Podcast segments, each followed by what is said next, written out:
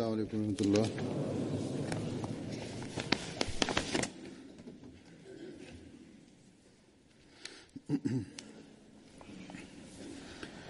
أشهد أن لا إله إلا الله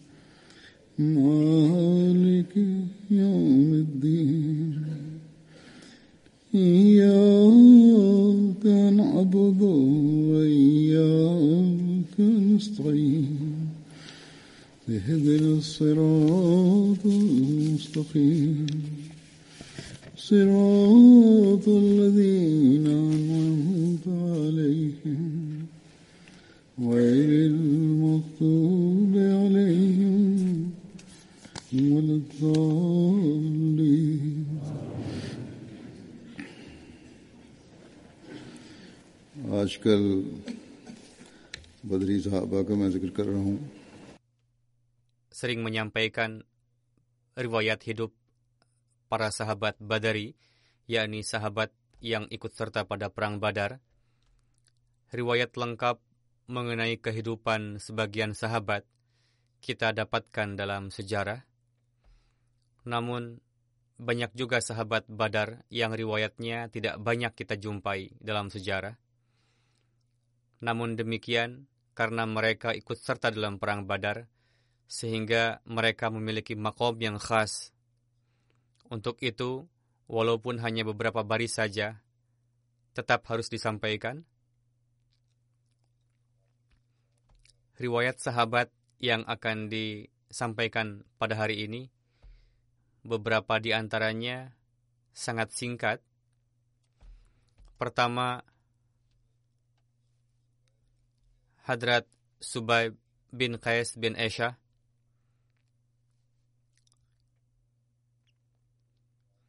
Sebagian berpendapat bahwa nama kakek beliau adalah Abasah. Sebagian lagi mengatakan Aisyah. Yang pasti beliau adalah sahabat Ansor dan dari Khazraj. Beliau ikut serta pada perang Badar dan Uhud. Nama ibunda beliau adalah Khadijah binti Umair bin Zaid. Beliau mempunyai satu putra bernama Abdullah. Ibu beliau berasal dari kabilah Banu Jadara. Putra beliau wafat sejak kecil. Selain dia, beliau tidak punya anak lainnya. Hadrat Ubadah bin Qais adalah saudara beliau.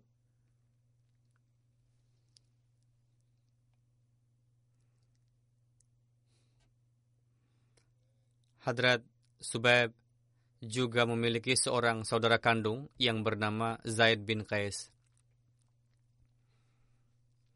Sahabat yang kedua adalah Hadrat Unais bin Qatadah. Beliau wafat pada Perang Uhud. Sebagian berpendapat bahwa nama beliau Anas, namun nama yang sebenarnya adalah Unais. Muhammad bin Ishaq dan Muhammad bin Umar menulis bahwa nama beliau Unais. Beliau ikut serta menyertai Rasulullah pada perang Badar dan syahid pada perang Uhud.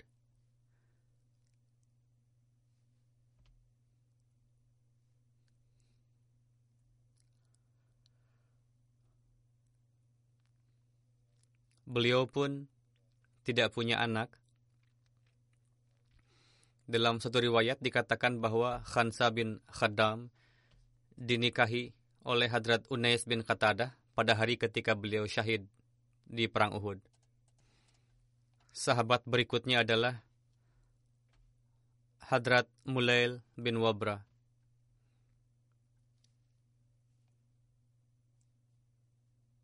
Berkenaan dengan beliau pun terdapat riwayat yang beragam. Mengenai nama beliau, Ibnu Ishaq dan Abu Naim menyebutkan nama beliau Mulail bin Wabra bin Abdul Karim bin Khalid bin Ajlah. Sedangkan Umar dan Kalbi menyebutkan Mulai bin Wabrah bin Khalid bin Ajlah, yakni Abdul Karim tidak ada di tengahnya. Beliau juga berasal dari ranting Khazraj, Banu Ajlan. Beliau ikut serta pada perang Badar dan Uhud. Di antara anak beliau adalah Zaid dan Habibah, yang ibunya adalah Ummi Zaid binti Nazla bin Malik. Keturunan Hadrat Mulail tidak berlanjut. Beliau disebut juga Khalid bin Ajlan.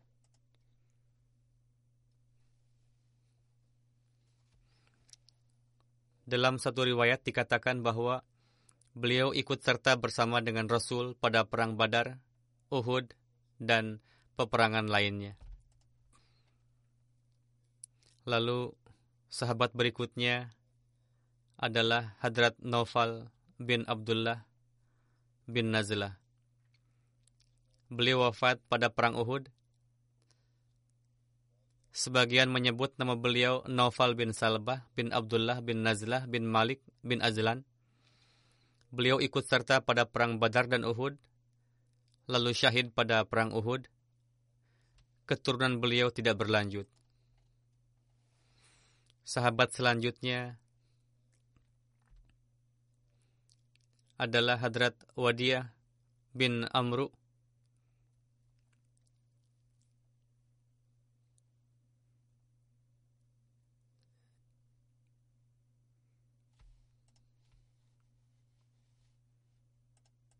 Ibnu Kalbi menyebut nama beliau Wadiah bin Amru bin Yasar bin Auf, sedangkan Abu Ma'syar menulis nama beliau Rafa bin Amru bin Jarad.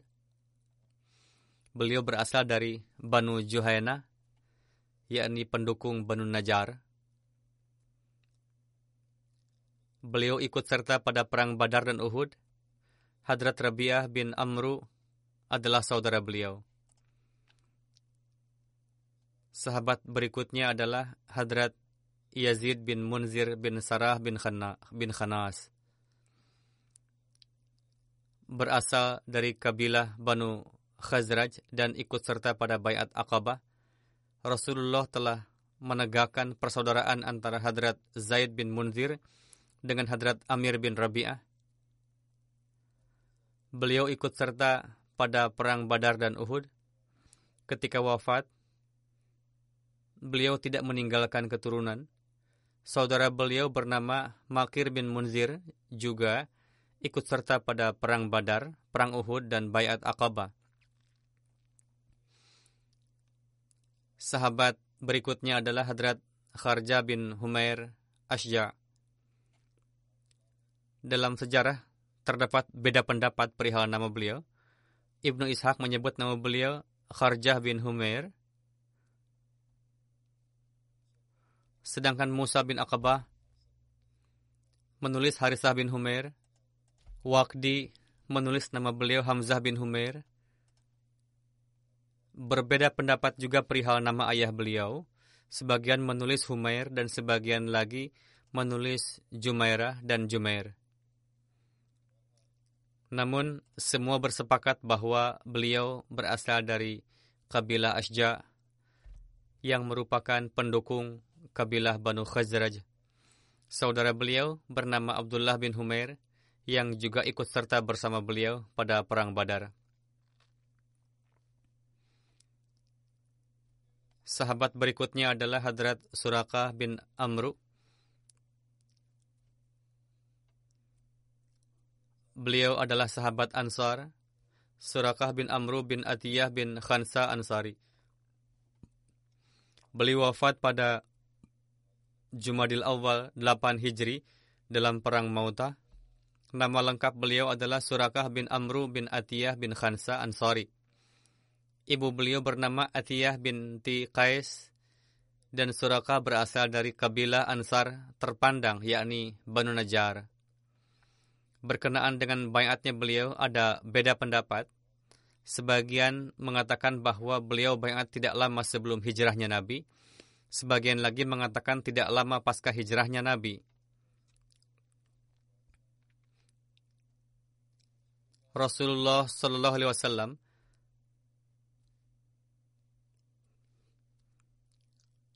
menetapkan persaudaraan antara Nahjah Maula Amru dengan Surakah bin Amru. Begitu juga beliau ikut serta pada perang Badar, Uhud, Khandak, dan Khaybar. Beliau mendapatkan kesempatan untuk menyertai Rasulullah pada perdamaian Hudaybiyah dan Umratul Qadha. Hadrat Surakah bin Amru adalah termasuk para sahabat yang beruntung karena mendapatkan kemuliaan ikut serta dalam bayat Ridwan. Silsilah keturunan beliau tidak berlanjut. Seperti yang saya sampaikan, beliau syahid pada perang Mauta 8 Hijri sahabat berikutnya adalah Hadrat Ubadah bin Qais. Beliau juga wafat tanggal 8 Hijri pada Perang Mauta. Ada beda pendapat perihal nama beliau. Ada yang menulis Ubadah bin Qais bin Aisha. Begitu juga ada yang menulis bahwa kakek beliau bernama Abasa. Hadrat Abad adalah paman dari Hadrat Abu Darda. Beliau menyertai Rasulullah pada perang Badar, Uhud, Khandak, dan Khaybar. Beliau juga ikut serta pada perdamaian Hudaybiyah. Beliau syahid pada perang Mauta. Sahabat berikutnya Hadrat Abu Ziyah bin Sabit bin Numan. Wafat pada 7 Hijri dalam satu riwayat, nama beliau tertulis Umair bin Sabit bin Numan bin Umayyah bin Amrul Qais. Sedangkan dalam riwayat lain bernama Numan bin Sabit bin Amrul Qais. Beliau dikenal dengan julukan yakni Abu Ziyah. Beliau ikut serta pada perang Badar, Uhud, Khandak, dan Hudaybiyah. Beliau syahid pada perang Khaybar 7 Hijri diriwayatkan bahwa seorang Yahudi menyerang kepala beliau sehingga putus yang menyebabkan syahidnya beliau.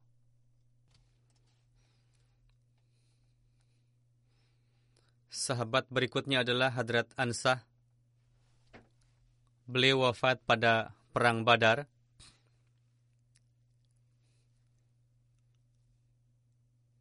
Namun ada beda pendapat Sebagian mengatakan bahwa beliau hidup sampai masa kekhalifahan Hadrat Abu Bakar.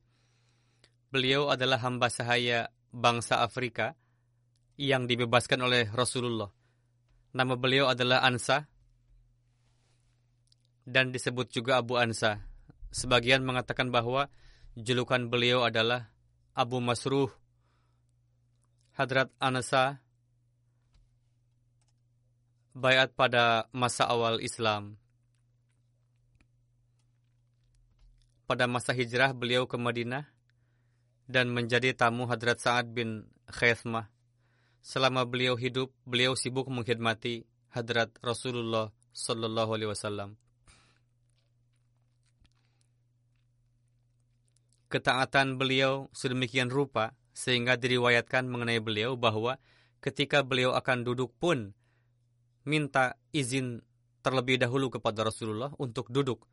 Beliau ikut serta bersama Rasul dalam Perang Badar. Sahabat berikutnya adalah Hadrat Abu Kabsyah Sulaim. Beliau dijuluki Abu Kabsyah. Beliau wafat pada masa kekhalifahan Hadrat Umar. Sebagian berpendapat bahwa Nama beliau adalah Salamah. Beliau adalah hamba sahaya berkebangsaan Iran yang dibebaskan oleh Rasulullah. Beliau adalah sahabat Badari. Beliau dilahirkan di daerah Aus.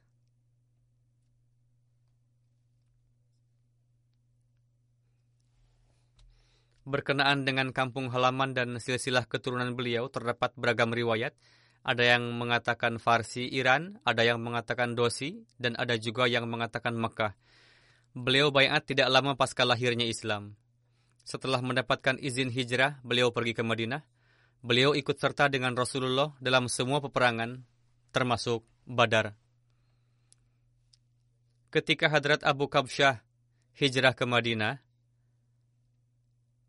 maka beliau tinggal di rumah Hadrat Kulsum bin Al-Hadam. Sedangkan dalam riwayat lain dikatakan di rumah Hadrat Sa'ad bin Khaismah.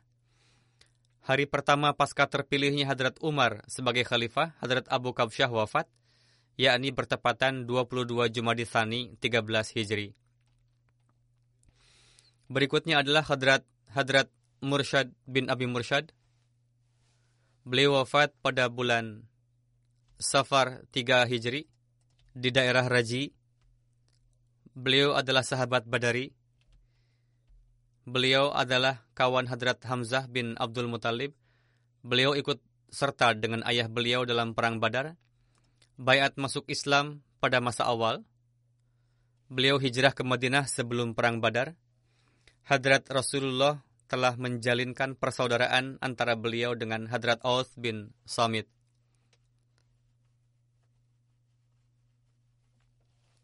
Pada Perang Badar, beliau hadir menunggangi kuda yang bernama Sabal.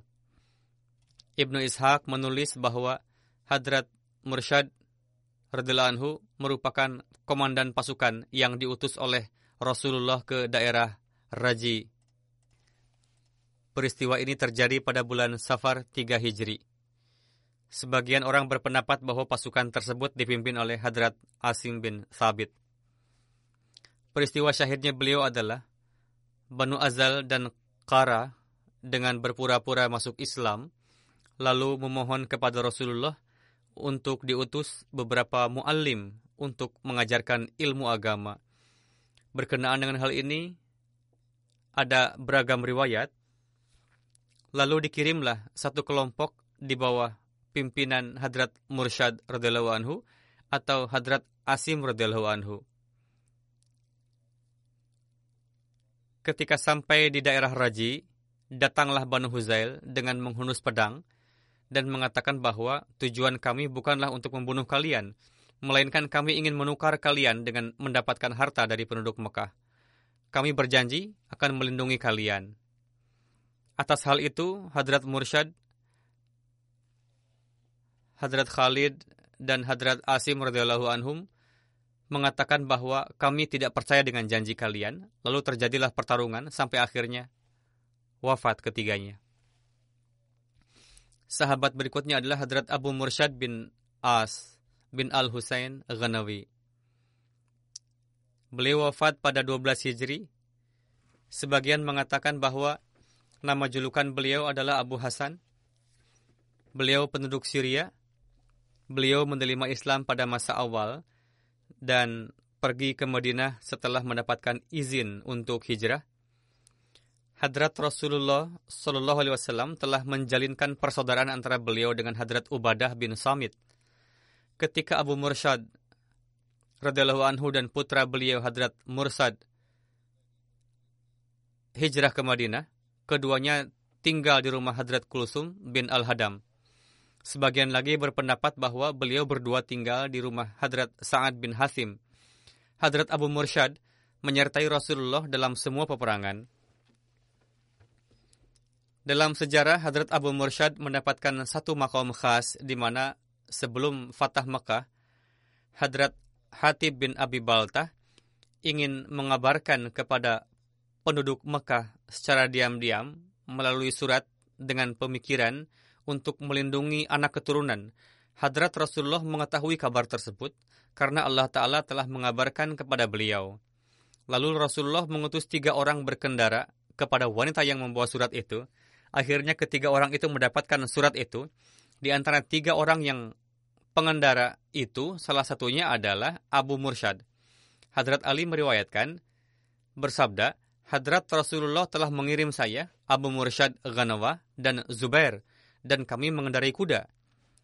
Beliau Shallallahu Alaihi Wasallam bersabda, kalian berangkatlah ketika kalian sampai di daerah Raudhah Khah.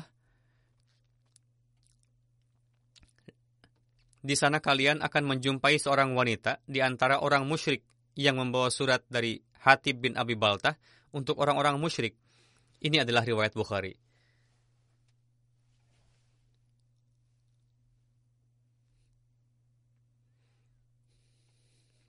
Beliau meriwayatkan satu hadis dari Rasulullah. Hadis ini terdapat dalam kitab Muslim, Bagwi dan lain-lain. Bersabda, saya mendengar Rasulullah bersabda, Janganlah duduk di atas kuburan, dan jangan juga salat menghadap kuburan. Beliau wafat pada zaman kekhalifahan Hadrat Abu Bakar Siddiq 12 Hijri pada usia 66 tahun. Sahabat berikutnya adalah Hadrat Salid bin Qais bin Amru. Beliau wafat pada 14 Hijri. Nama lengkap beliau adalah Hadrat Salid bin Qais bin Amru bin Ubaid bin Malik. Pasca masuk Islam, Hadrat Salid bin Qais dan Hadrat Abu Salma keduanya telah menghancurkan patung berhala Adi bin Najar dari keluarga Banu Adwi. Ketika Rasulullah hijrah ke Madinah, Hadrat Rasulullah duduk di atas unta memasuki Madinah. Maka setiap kabilah menghendaki supaya Rasulullah berkenan tinggal di rumah mereka. Ketika unta beliau berada di dekat rumah Banu Adi, dan mereka merupakan paman Rasulullah karena Salma binti Amru yang merupakan ibu dari Abdul Muthalib berasal dari kabilah ini. Saat itu Hadrat Salid bin Qais, Abu Salid, dan Asirah bin Abu Kharjah ingin menghentikan unta Rasul. Lantas Rasul bersabda, lepaskan untaku, karena saat ini tengah diperintah, yakni ke mana Tuhan menghendaki, maka unta dengan sendirinya akan mendekat rumah itu. Hadrat Salid menyertai Rasulullah pada perang Badar, Uhud, Khandak, dan seluruh peperangan. Abi Ubaid syahid pada 14 Hijri pada perang Jasar pada masa kekhalifahan Hadrat Umar. Sahabat berikutnya adalah Hadrat Mujazar bin Ziyad. Syahid pada perang Uhud. Mujazar adalah julukan beliau, artinya bertubuh gemuk. Rasulullah telah menjalinkan persaudaraan antara beliau dengan Akil bin Bakir. Dalam riwayat lain, Rasulullah telah menjalinkan persaudaraan antara beliau dengan Hadrat Ukasah bin Mihsan. Hadrat Mujazar ikut serta pada perang Badar dan Uhud. Ibnu Ishaq meriwayatkan bahwa Hadrat Rasulullah telah melarang untuk membunuh Abu Bakhtri. Karena ketika di Mekah, dia telah melarang orang-orang untuk menyakiti Rasulullah Shallallahu Alaihi Wasallam. Sebagai balasannya, Rasulullah melarang untuk membunuhnya.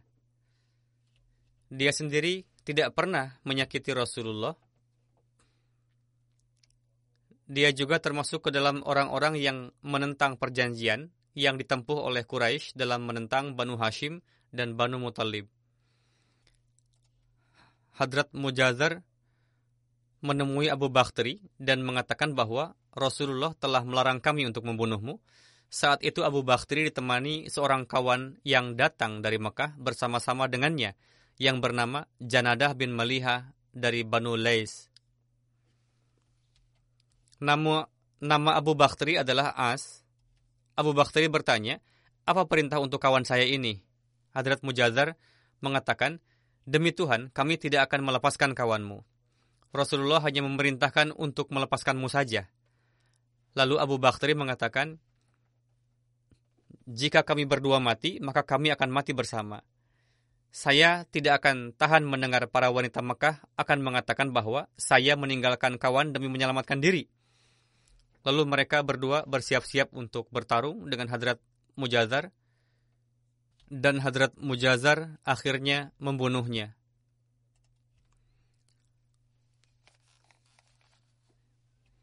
Lalu Hadrat Mujazar menghadap Rasul dan mengatakan bahwa demi zat yang telah mengutus engkau dengan kebenaran, saya telah katakan padanya berkali-kali supaya biarkan saja kawannya itu ditahan dan akan saya bawa kepada Rasulullah. Namun Abu Bakhtari tidak setuju sehingga dia menyerang saya. Akhirnya saya membunuhnya. Keturunan Hadrat Mujazar ada di Madinah dan di Baghdad. Diriwayatkan oleh Abi Waizah bahwa tiga orang yang syahid pada perang Uhud dan dikuburkan dalam satu kuburan adalah Hadrat Mujazar bin Ziyad, Numan bin Malik, dan Abdah bin Hasas. Namun dalam riwayat lain dikatakan bahwa Hadrat Anisa binti Adi datang ke hadapan Rasulullah dan berkata, Ya Rasulullah,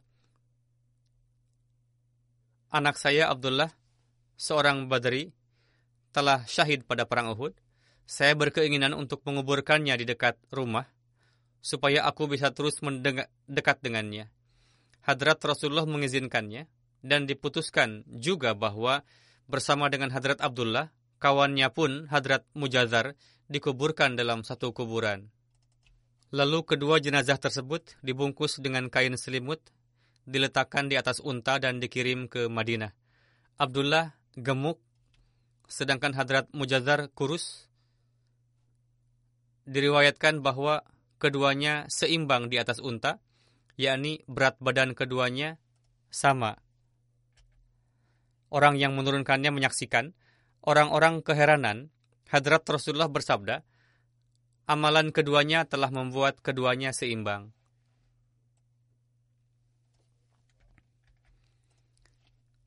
Sahabat berikutnya adalah Hadrat Hubab bin Munzir bin Jamu, wafat pada masa kekhalifahan Hadrat Umar.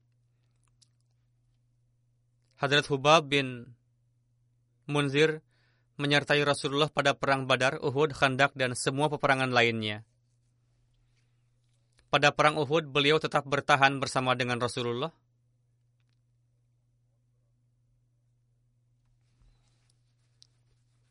Berkenaan dengan beliau, Hadrat Mirza Bashir Ahmad menulis dalam buku Sirat Khataman Nabiin bahwa tempat di mana pasukan muslim memasang kemah bukanlah tempat yang tepat. Melihat hal itu, Hadrat Hubab bin Munzir bertanya kepada beliau apakah Huzur memilih tempat ini atas dasar ilham dari Allah Ta'ala?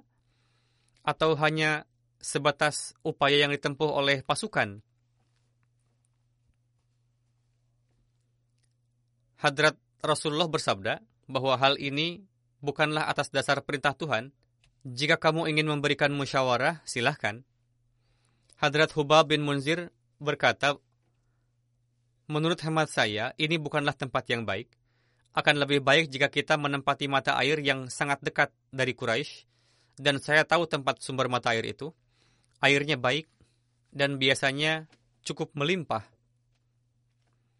Hadrat Rasulullah menyukai usulan tersebut karena Quraisy memasang kemahnya pada bukit kecil. Untuk itu kawasan sumber mata air tersebut kosong, lalu pasukan muslim menempati kawasan itu.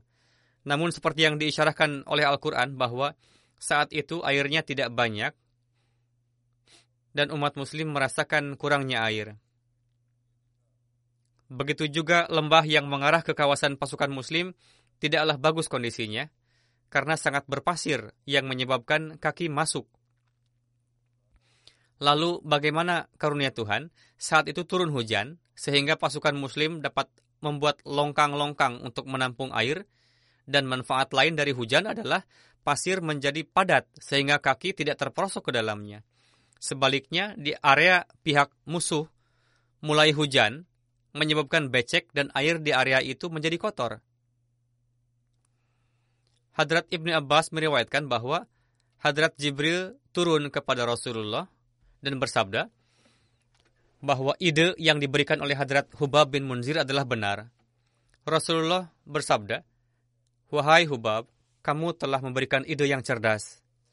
Pada Perang Badar, Panji Khajaraj berada di tangan Hadrat Hubab bin Mundir, ketika ikut pada perang Badar, usia Hadrat Hubab bin Munzir adalah 33 tahun. Berkenaan dengan beliau, Hadrat Mirza Bashir Ahmad menulis dalam buku Sirat Khatamun Nabiyyin bahwa ketika Rasulullah mendapatkan kabar bahwa pasukan Quraisy telah mendekat, lalu beliau mengutus sahabat beliau, Hadrat Hubab bin Munzir untuk mencari info jumlah pasukan musuh dan kekuatan mereka.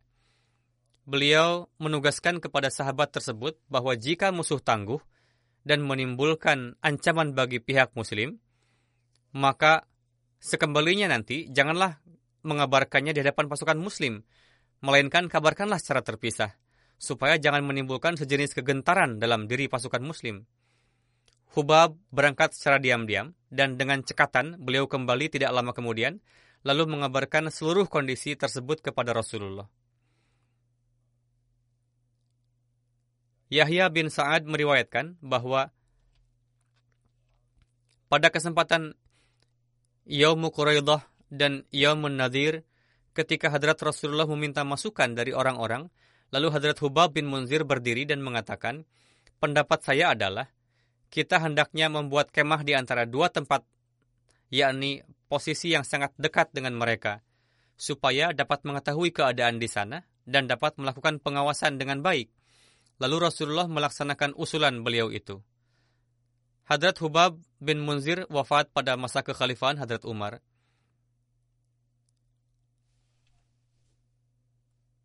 Pasca kewafatan Rasulullah, bagaimana Hadrat Abu Bakar dapat mengontrol keadaan umat muslim pada saat itu?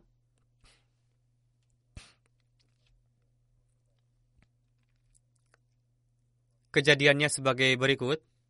Hadrat Abu Bakar menyampaikan ceramah pujian dan bersabda, Coba perhatikan, barang siapa yang menyembah Muhammad, ingatlah bahwa Muhammad telah wafat. Barang siapa yang menyembah Tuhan, ingatlah bahwa Tuhan maha hidup, tidak pernah mati.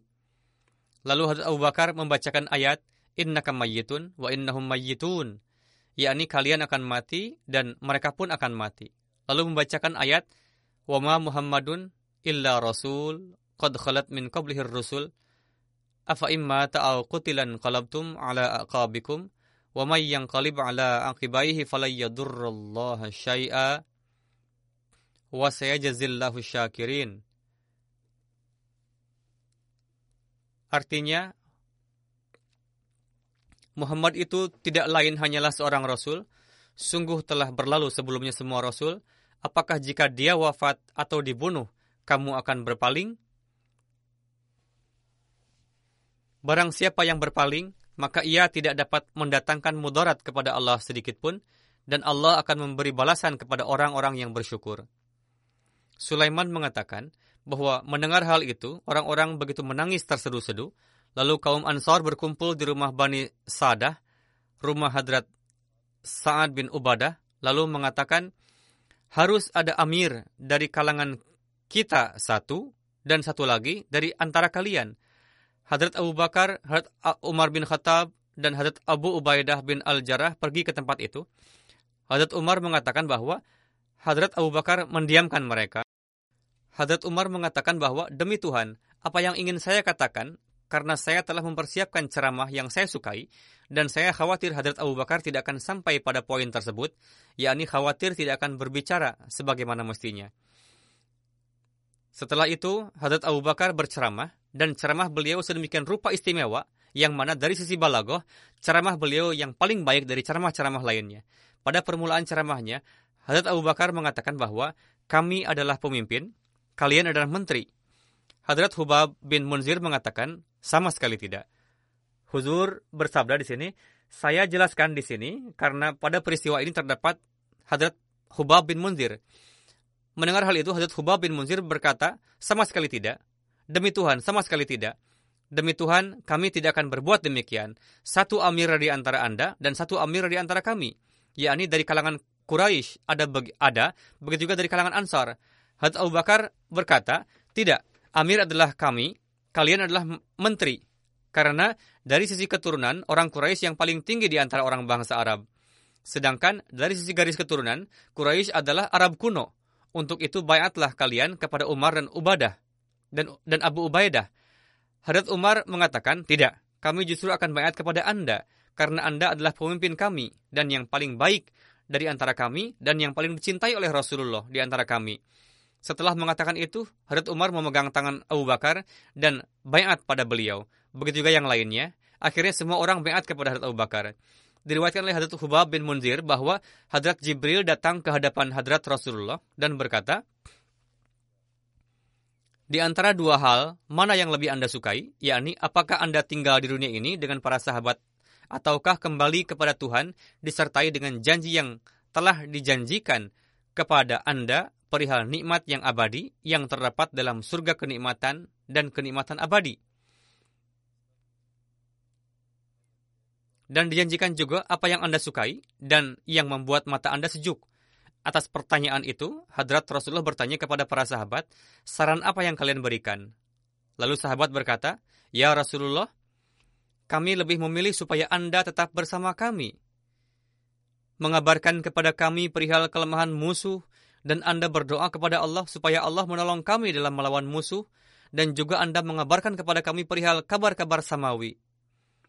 Mendengar hal itu, sambil melihat ke arah Hadrat Hubab, Rasulullah bersabda, apa yang terjadi denganmu? Kenapa tidak bicara? Diam saja. Hadrat Hubab mengatakan, Ya Rasulullah, pilihlah apa yang Tuhan Anda pilih untuk Anda. Rasulullah menyukai apa yang saya katakan. Sahabat berikutnya adalah Hadrat Rifa bin Rafi bin Malik bin Ajlan. Beliau pun adalah sahabat Ansar. Wafat pada masa permulaan kepemimpinan Hadrat Amir Muawiyah. Julukan Hadrat Rifa bin Rafi bin Malik bin Ajlan adalah Abu Muaz. Ibu beliau bernama Ummi Malik binti Ubay bin Sulul, yakni saudari Abdullah bin Ubay bin Sulul, pemimpin orang munafik. Beliau ikut serta pada Bayat Aqabah. Beliau menyertai Rasulullah pada perang Badar, Uhud, Khandak, Bayat Ridwan, dan seluruh peperangan. Beliau memiliki dua saudara, yakni Khalad bin Rafi dan Malik bin Rafi, yang mana keduanya ikut juga dalam perang Badar. Hadrat Muaz meriwayatkan dari ayah beliau, Hadrat Rifa bin Rafi, dan ayah beliau pun adalah sahabat Badar juga, Beliau mengatakan bahwa Jibril datang kepada Rasulullah mengatakan, kedudukan apa yang Anda berikan kepada umat muslim yang ikut serta pada perang badar? Beliau menjawab, Muslim terbaik, atau bersabda yang sejenis itu. Hadrat Jibril alaihissalam mengatakan bahwa begitu jugalah yang paling afdol di kalangan malaikat adalah yang ikut pada perang badar. Ini adalah riwayat Bukhari. Seperti apa keikutan malaikat dalam perang? Tafsir Bukhari yang ditulis oleh Hadrat Sayyid Zainul Abidin Syah Sahib adalah Allah Ta'ala berfirman dalam Al-Quran,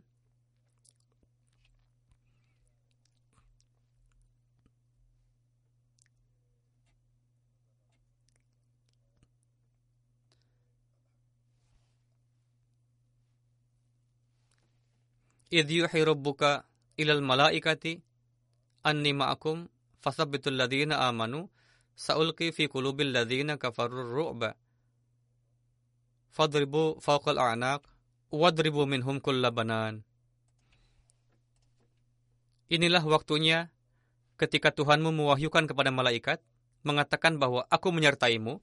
Untuk itu teguhkanlah langkah orang mukmin, aku akan masukkan rub ke dalam hati orang kafir. Wahai orang mukmin, seranglah leher, terus leher mereka dan gempurlah mereka dengan dahsyat. Maksud dari darbul anak, darbul rikab, dan darbu kullabanan adalah serangan dahsyat yang mana tepat pada sasaran. Ada beberapa riwayat yang mirip dengan itu. Berkenaan dengan itu, Syahsab menjelaskan bahwa pada riwayat-riwayat ini, berkenaan dengan keberadaan dan kesaksian para malaikat, adalah dalam cara kasyaf dan peperangan malaikat pun dalam corak kasyaf, yang sesuai dengan kondisi. Dalam hal ini, para malaikat tidaklah menggunakan panah atau pedang. Beliau juga, begitu juga kesaksian para malaikat dengan pandangan rohani, bukan mata jasmani. Nabi Shallallahu Alaihi Wasallam pun menyaksikan, begitu juga para sahabat dan para waliullah juga. Bagaimana perang yang dilakukan oleh para malaikat? Termasuk di antara keikutsertaan para malaikat Allah. Syah Sahib menjelaskan, hal tersebut bahwa peristiwa Nakhlah menyebabkan kekecewaan para pemuka Quraisy dan naik pitam dan kejadian inilah yang menjadi penyebab peperangan setelahnya yang dengannya takdir ilahi berkenaan dengan kehancuran Quraisy tergenapi. Cara yang dilakukan oleh para malaikat berbeda dengan yang kita lakukan, yakni cara berperang malaikat berbeda dengan manusia. Kawasan yang ditempati pihak musuh becek dan ketinggian, sedangkan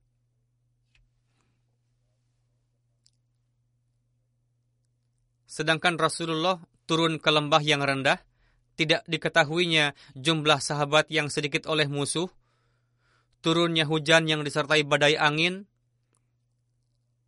tepatnya setiap panah pasukan muslim mengenai sasaran musuh,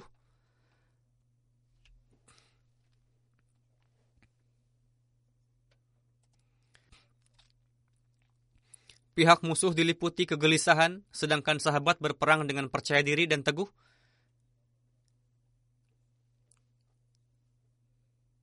Ini semua merupakan mukjizat campur tangan para malaikat yang mana hal itu dikabarkan oleh Allah Ta'ala kepada Rasulullah dalam kalimat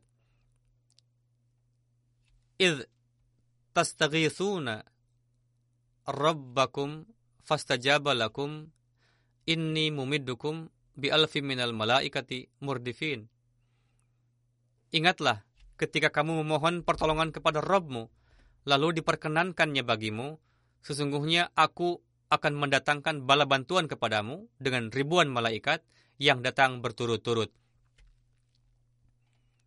Lalu menulis malapetaka yang menimpa sarana zahir berkat pengabulan doa Nabi, di dalamnya tampak satu mata rantai yang ajaib. Dengan memandang secara utuh pada bagian itu, nampak laskar malaikat yang bekerja. Siapakah yang melindungi hadrat Rasulullah pada saat saat genting ketika keluar dari Makkah?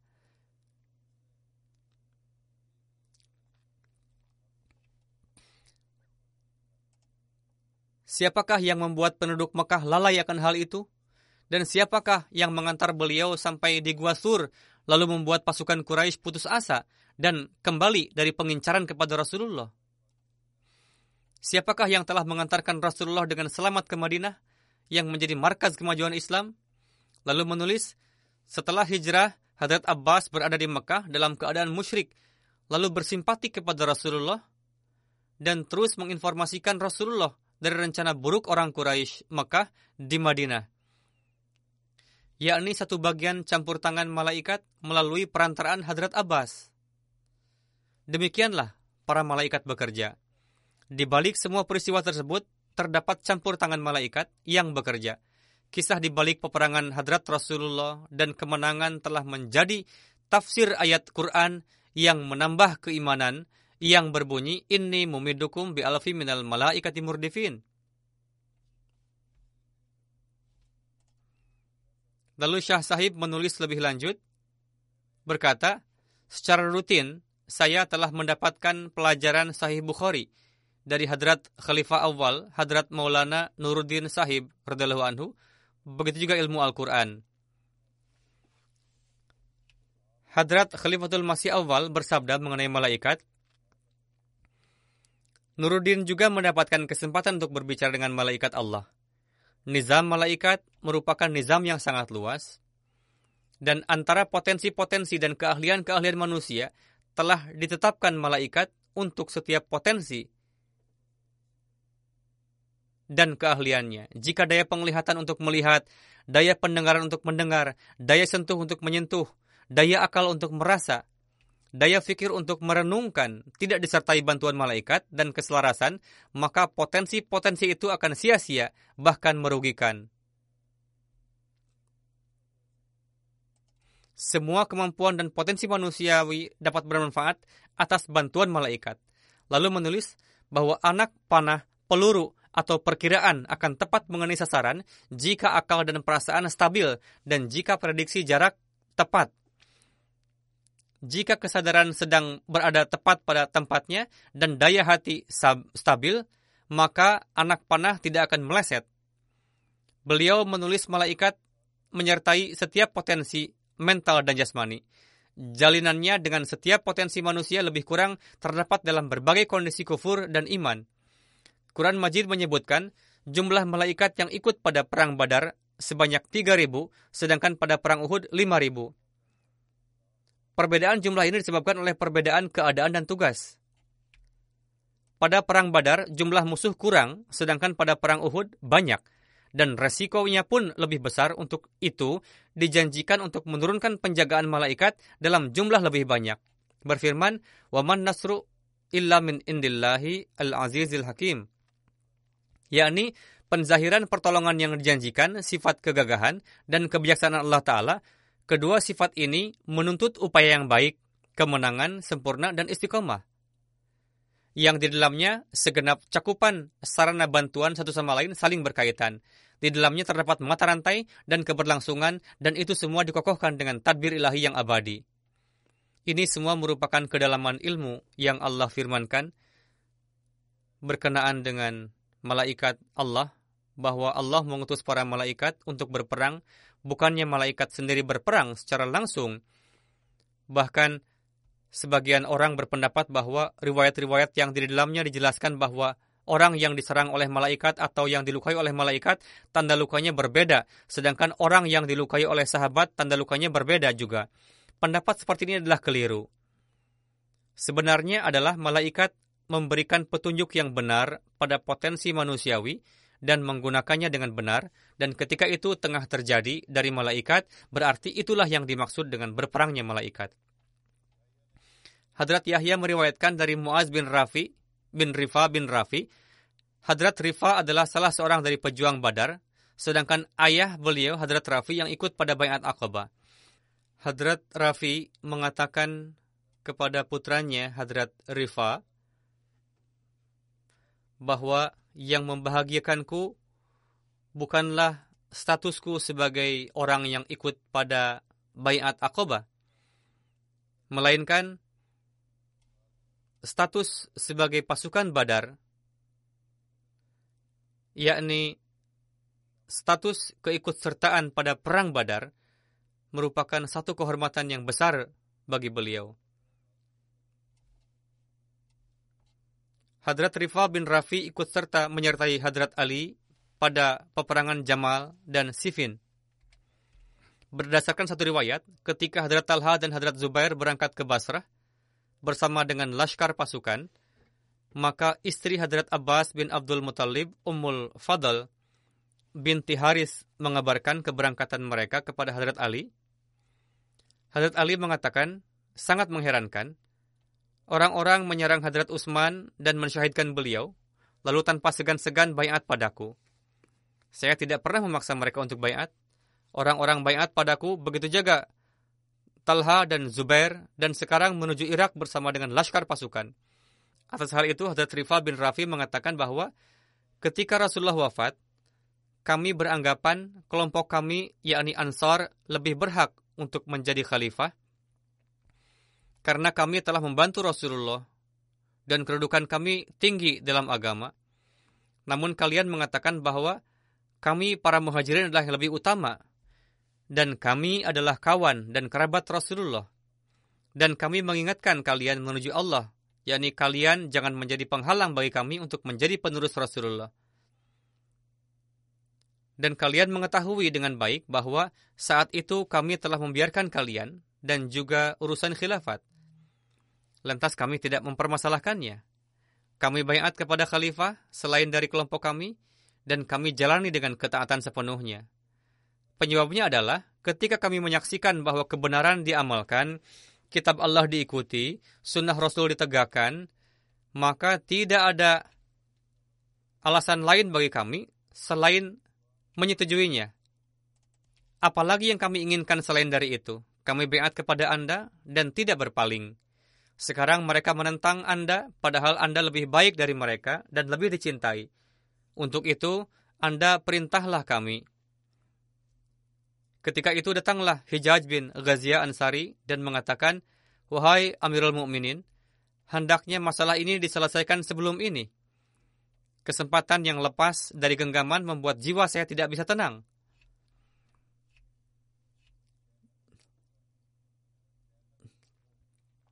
Jika saja takut pada kematian, wahai kelompok Ansar, bantu Amirul Mukminin untuk kedua kalinya, sebagaimana kalian telah membantu Rasulullah dulu. Demi Tuhan, bantuan kedua ini seperti halnya bantuan yang pertama, kecuali jika bantuan pertama lebih afdol dari antara keduanya. Beliau wafat pada masa awal kepemimpinan Hadrat Amir Muawiyah Demikianlah perihal para sahabat.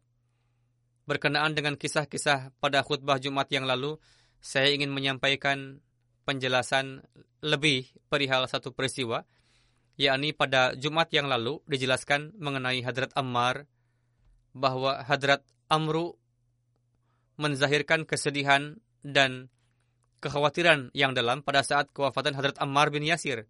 Karena beliau mendengar Rasulullah pernah bersabda bahwa Ammar bin Yasir akan dibunuh oleh kelompok pemberontak. Hadrat Am Amru bin bin As khawatir karena saat itu beliau hendak berada di pihak Amir Muawiyah dan yang mensyahidkan Hadrat Ammar bin Yasir adalah pasukan Amir Muawiyah. Sebagian orang mempertanyakan bahwa jika memang beliau berada di pihak pemberontak, lantas kenapa namanya disebut dengan hormat? Dan Hadrat Amir Muawiyah pun mendapatkan satu kemakom dalam literatur jemaat. Pertama-tama, bukanlah tugas kita untuk mengatakan perihal makom para sahabat bahwa sahabat ini akan diampuni atau tidak. Kesalahpahaman apa pun atau kesalahan apa pun yang menyebabkan terjadinya peristiwa tersebut, urusannya adalah dengan Allah Ta'ala. Hukuman atas hal itu dirasakan oleh umat muslim. Pertanyaan seperti ini muncul di benak orang yang hidup pada zaman itu dan untuk menjauhkan kegelisahan tersebut, mereka pasti berdoa. Apa yang telah terjadi ini?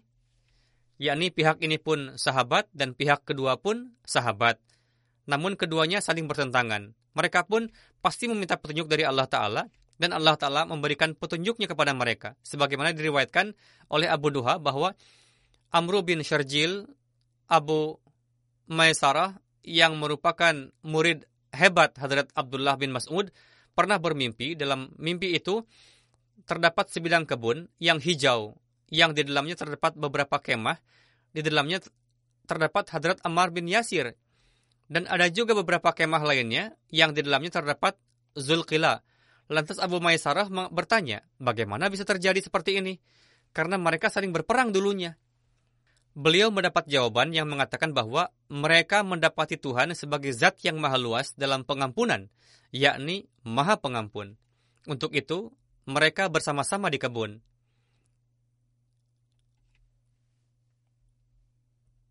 Walhasil, serahkanlah urusan dan pertentangan ini kepada Allah Ta'ala. Bukanlah tugas kita untuk memberikan tempat akan hal tersebut di dalam hati kita karena memberikan tempat akan hal-hal tersebut di dalam hati telah semakin bertambah jarak di dalam hati dan semakin tercipta perpecahan di kalangan umat Islam sehingga kita saksikan sendiri akibatnya. Hal ini pun menjadi pelajaran bagi kita semua, yakni alih-alih memberikan ruang dalam hati untuk hal tersebut, teguhlah dalam persatuan.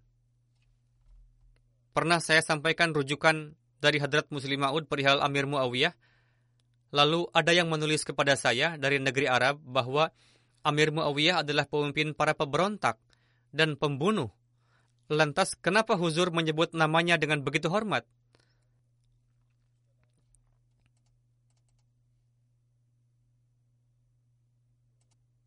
Maka riwayat mimpi tersebut dapat menjadi jawaban yang cukup bagi beliau bahwa ampunan dan rahmat Tuhan maha luas. Kita harus menjaga urusan kita dan mengislah diri kita sendiri daripada memikirkan dan mengata-ngatakan perihal mereka. Hadrat Masih Maud salam dalam beberapa tempat menyampaikan kalimat pujian kepada Amir Muawiyah. Walhasil, alih-alih mengatakan kesalahan-kesalahan mereka, justru kita harus mengambil pelajaran berkenaan dengan Hadrat Amir Muawiyah diriwayatkan bahwa ketika Hadrat Ali terlibat perang dengan Amir Muawiyah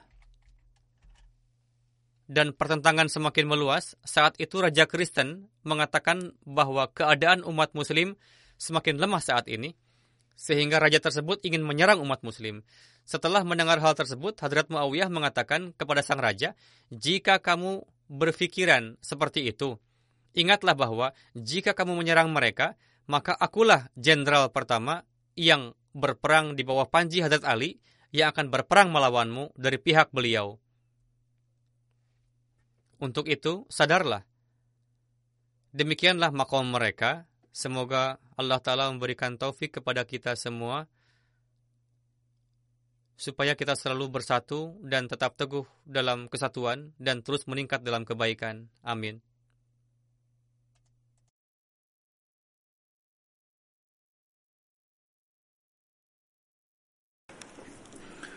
الحمد لله الحمد لله نحمده ونستعينه ونستغفره ونؤمن به ونتوكل عليه ونعوذ بالله من شرور أنفسنا ومن سيئات أعمالنا. من يهده الله فلا مضل له ومن يضلل فلا هادي له. ونشهد أن لا إله إلا الله ونشهد أن محمدا عبده ورسوله. عباد الله رحمكم الله.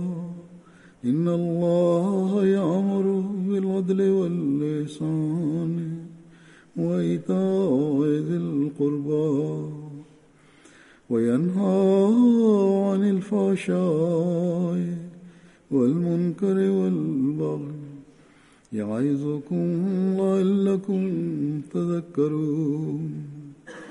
اذكروا الله يذكركم وادعوه يستجب لكم ولذكر الله أكبر.